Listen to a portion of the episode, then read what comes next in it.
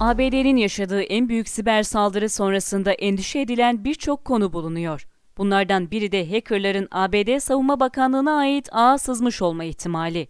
Rusya destekli olduğu belirtilen hackerların ABD'ye düzenlediği saldırı sonrasında kritik kurumlar için endişe devam ediyor. Rus hackerların Pentagon'un ağına sızıp sızmadığı, sızmışsa verilere erişip erişmediği merak ediliyor. Önemli silah sistemlerine ait verilerin çalınıp çalınmadığı ve hassas noktalara erişilip erişilmediği tartışma konusu oldu.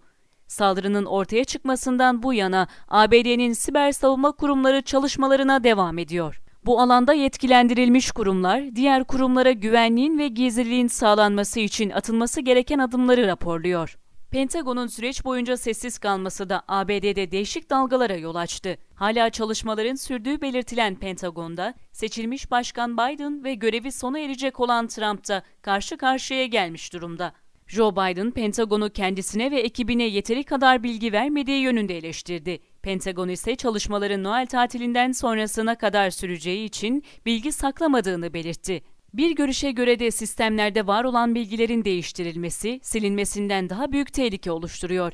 Verilerin doğruluğundan şüphe edilmesinin büyük sonuçlar doğuracağı aktarılıyor. Ayrıca sisteme inşa edilecek olan backdoorlar için de tehlike olduğu belirtiliyor. Bu kapılar kullanılarak istenilen herhangi bir zamanda ağa erişim sağlanabiliyor.